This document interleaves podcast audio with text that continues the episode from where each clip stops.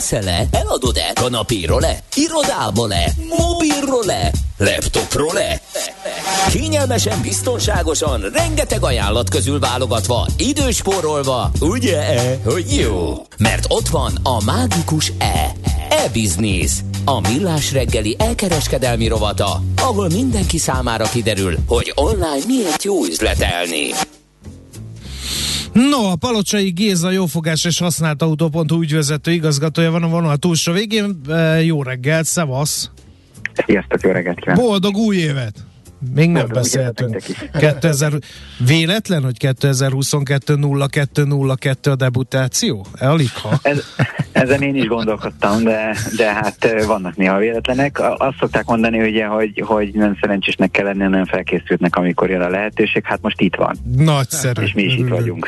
Figyelj, beszéljünk ezekről a plázákról a neten, amit tehát a szakzsargon online piactereknek hív. Ezeket kitalálta ki, meg, meg egy kicsit így a, az evolúció evolúciójába pillancsunk bele kezdetnek, aztán utána meg persze az érdekel bennünket a legjobban, hogy hova fejlődhet ez az üzleti modell. Mert ez elvileg egy csomó embernek jó, jó a fogyasztónak, mert egy csomó termék közül választhat. Jó a, a hát ha jó, ezt majd te elmondod azoknak, akik ott árusítanak, mert hogy eljutnak egy nagy csomó emberhez jóval kisebb költségekkel és energiabefektetéssel, mint ha egyedül próbálkoznának.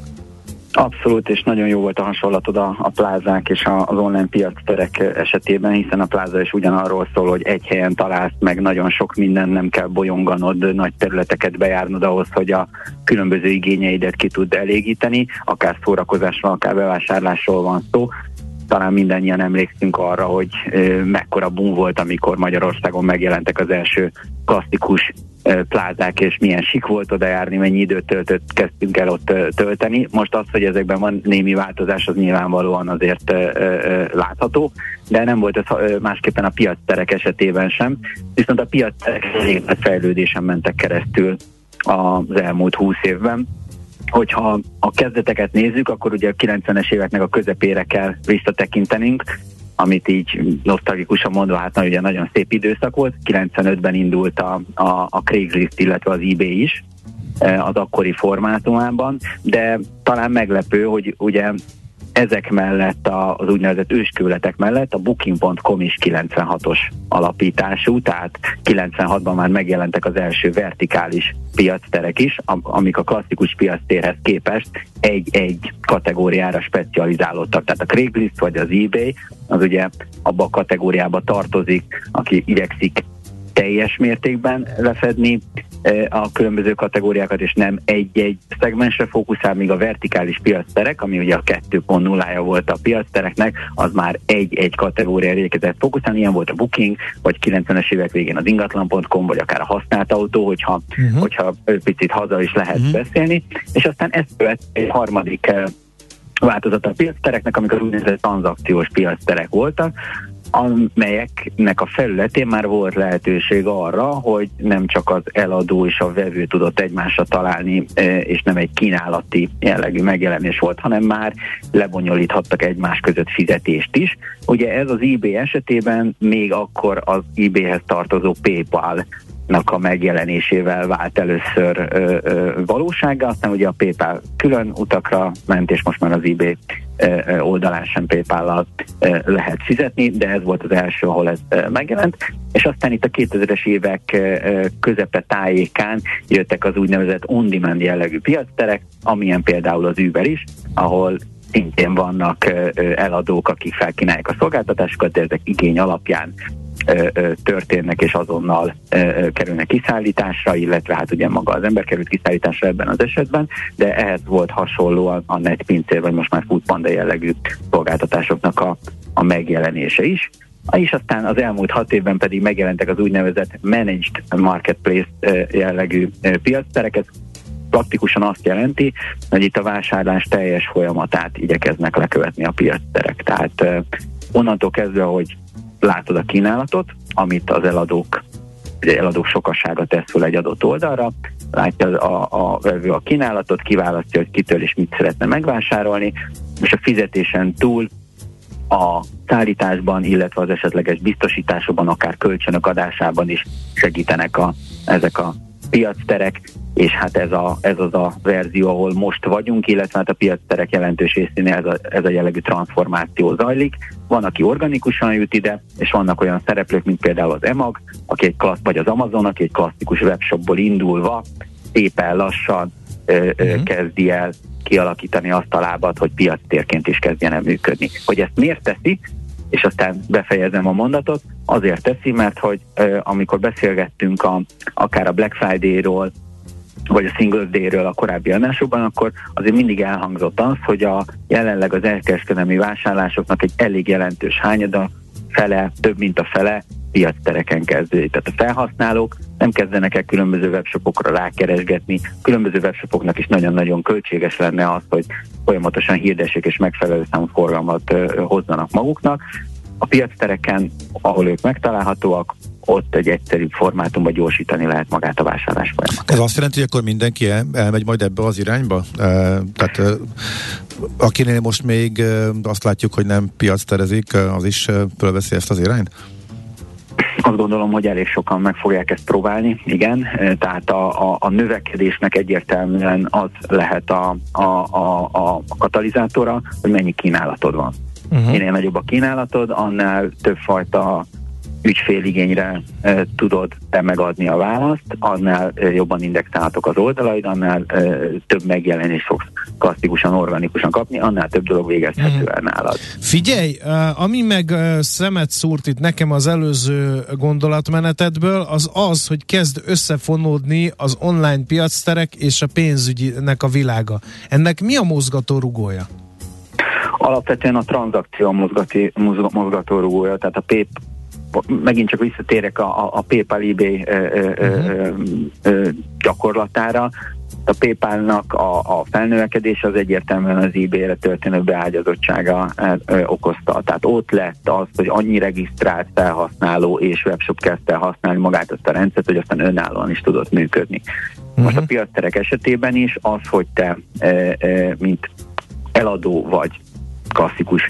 Tehát te, te, tegyük fel, hogy van egy eladó, ugye erre sokszor beszéltünk, hogy milyen webshopot kellene indítani, itt voltak nagyon érdekes ötleteink is, tehát ugye most már azért nem annyira egyszerű, logisztikával kell foglalkoznod, hogy fogod a, a, a, a tranzakciókat lebonyolítani, és a többi, és a többi, ahhoz, hogy a, a piaci terek megkönnyítsék a minél nagyobb számú eladónak a megjelenését náluk, ezért szolgáltatásokat kell biztosítani, ennek egyik része a tranzakció, lebonyolítására a pénzügyi szolgáltatások, és ha már pénzügyi szolgáltatást biztosítan, akkor miért ne biztosítanál lehetőséget arra mondjuk, hogy áruhitel, ugye beszéltünk a buy jellegű dolgokról, vagy miért ne biztosítanál kiszállítást, és ha már kiszállítást és hitelt is biztosítasz, akkor biztosítást is biztosíthat. És ezek mind-mind olyan tranzakciós elemek, amelyek segítenek neked abban, hogy egyrészt magadhoz küzd a felhasználót, és folyamatosan visszatérővé tedd azt, illetve az árazási technikádba be tudsz építeni olyan elemeket, hogy maga a termék, illetve az egész szolgáltatás, amit nyújtasz, vonzóbb legyen,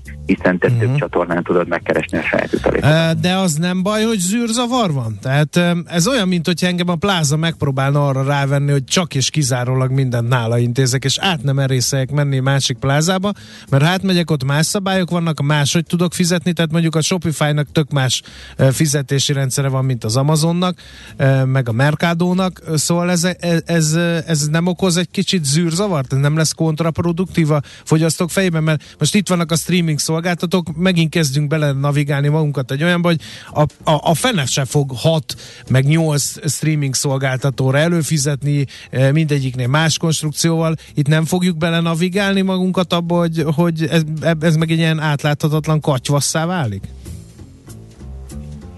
Szerintem nem. Szerintem a változatosság az, az nem feltétlenül probléma. Én nem látom azt gondnak, hogy nem lesz egy ultimate piactér, mint ahogy bár ugye vannak ugye nagyon nagy közösségi média oldalak is, azért van választék, szerintem a választék az nem, nem probléma, és bár mindenki arra tör, hogy ő legyen az egy, azért az látszódik, hogy ez sosem szokott uh-huh. megtörténni. Most vegyük az autógyártókat. 30 évvel ezelőtt teljesen másképpen nézett ki az, hogy mondjuk milyen csoportok, milyen márkákat adnak ki. Ott is volt egy koncentráció. Én azt gondolom, hogy itt is koncentráció van, és nagyon nagy harc van, hogy mondjuk közép-kelet-európában ki lesz az a piactér, aki meghatározó, az Allegro. Sikerül az Amazonnak be, betörni Európába, esetleg az Alibaba ö, ö, ö, sokkal nagyobb teret fog nyerni ezen a piacon. Tehát vannak nagy szereplők, akik a saját területükön is meghatározóak kívánnak lenni, és aztán próbálnak nemzetközileg is megjelenni, hogy ez kinek sikerül, az szerintem, tehát nem, én nem gondolom, hogy lesz egy darab nyertes, már csak a, a, a verseny biztosítása miatt sem gondolom, hogy ez így működhet, illetve a felhasználóknak is az a jó, hogyha több helyen többféle dolgot lehet nézni. Az által említett streaming szolgáltatások esetében én azt gondolom, hogy nagyon hamar nagyon durva koncentráció fog jönni. Tehát ahogy te is említetted, ugye onnan indultunk, hogy mondjuk 7-9 ezer forint volt egy régebbi időszakban egy előfizetés, aztán ez lement ilyen 3-4-re, hogyha internetet is hozzávette, és a többi, akkor megint 7-8, és most elkezded összeadni, amiket fizet, és ott állt, hogy 10-12 ezer forint, és akkor még arról nem is beszélted, hogy YouTube-ra vagy Spotify-ra is előfizette, vagy sem. Ez nyilvánvalóan nem egy fenntartható rész. Uh-huh. Igen. Hova fejlődhet ez, mert ha most már lényegében lefették a teljes uh, uh, vásárlási folyamatot, és még ezer szolgáltatást is hozzáadtak, és ez még a, mo- ez még a mostani.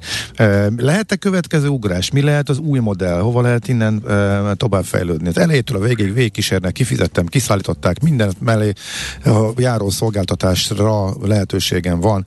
Hova tovább innen?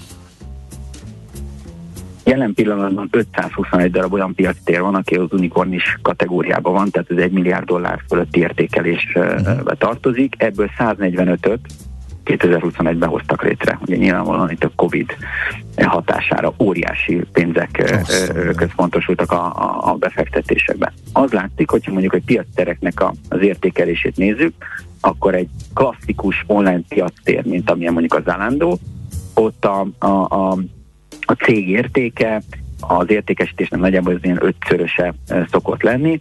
Azok a piacterek, amik vagy klasszikusan csak pénzügyi szolgáltatásosa foglalkoznak, vagy azok a cégek, akik ezzel foglalkoznak, ott a, az ő értékelésük az, a nagyobb az értékesítésnek a 4,6 szorosa. Azok a piacterek, amelyeknek van pénzügyi szolgáltatása is, ott hétszeres ez a torzó, tehát a, a, a pénzügyi irányba történő elmozdulás az ö, ö, továbbiakban is folytatódni fog. A, a kérdés az az, hogy a blockchain vagy az NFT az mennyire tud ebben a, a kérdésben megjelenni, és mennyire fog elterjedni a, mint fizetési eszköz, tehát ö, ö, szerintem ez most egy nagyon fontos kérdés, de talán ez nem csak a piactereket vagy az elkereskedelmet érinti, hanem világszinten is mhm. egy, egy nagyon fontos kategória. Én azt gondolom, hogy ez lesz a következő ö, ö, ö, nagy ö, kérdés, amire választ kell majd adni a, a, ennek az időszaknak. Azért az is látszódik, hogy annak ellenére, hogy az unikornisok között, ahogy említettem, az 521-ből 145-et tavaly hoztak létre, a online piacterek összes értékem, tehát az, hogy a, ez az 520 ez mennyit ér, ez a tavalyi évben kb. 2 milliárd dollárral nőtt, amiből másfél milliárd dollár olyan cégek eredményéből származott, akik 2010-ben lettek alapítva. Tehát azért az is látszik, hogy most nagyon sokan megjelentek, nagyon trendi, csináljuk, úristen, nagy befektetések. Hatalmas értékelést értéket, kapnak, igen. Uh-huh. De az értéket még mindig azok hozzák, akik, akik az elmúlt tíz évben folyamatosan nagy szereplők voltak. Tehát uh-huh. itt azért még egyszer azt mondom, hogy nagy koncentráció lesz. Aha. Oké. Okay. Géza, nagyon szépen köszönjük, hogy beavattál minket, nagyon izgalmas változások vannak, és az egész piac nagyon érdekes. Szép napot, jó, folytatjuk. Köszönöm szépen. Köszönjük. Szia. szia. Szia, Palocsai Gézával beszélgettünk az online piacterek evolúciójáról. Ő a jófogás és a használt autó.hu ügyvezető igazgatója. Na, megtaláltad-e? E-Business. A millás reggeli elkereskedelmi rovata hangzott el. E-Business. Üzletei online. Most pedig Tari Ibolya hírei jönnek, aztán pedig HR percek rovatunk fog majd rátok köszönteni, mert hogy jön Deák Andrea Green Search Kft. ügyvezető igazgatója, és addig tallózunk eh, néhány eh, hallgatói üzenetből. Az egyik legfontosabb információ továbbra is az, hogy nagyon-nagyon uh, kerüljük el az Alkotás utca és a déli pályaudvar környékét, ha hallgatók sorra írják az üzeneteiket, sőt most már fényképes mellékletet is kaptunk a Viber számunkon, ahol két autó és két busz találkozásáról láthatunk képeket. Köszönjük annak, aki vette a fáradtságot, és ezt megosztotta velünk.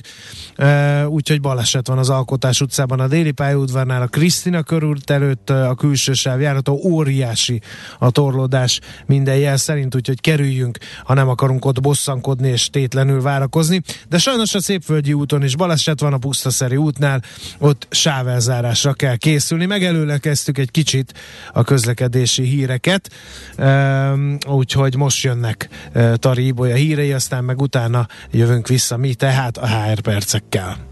Műsorunkban termék megjelenítést hallhattak.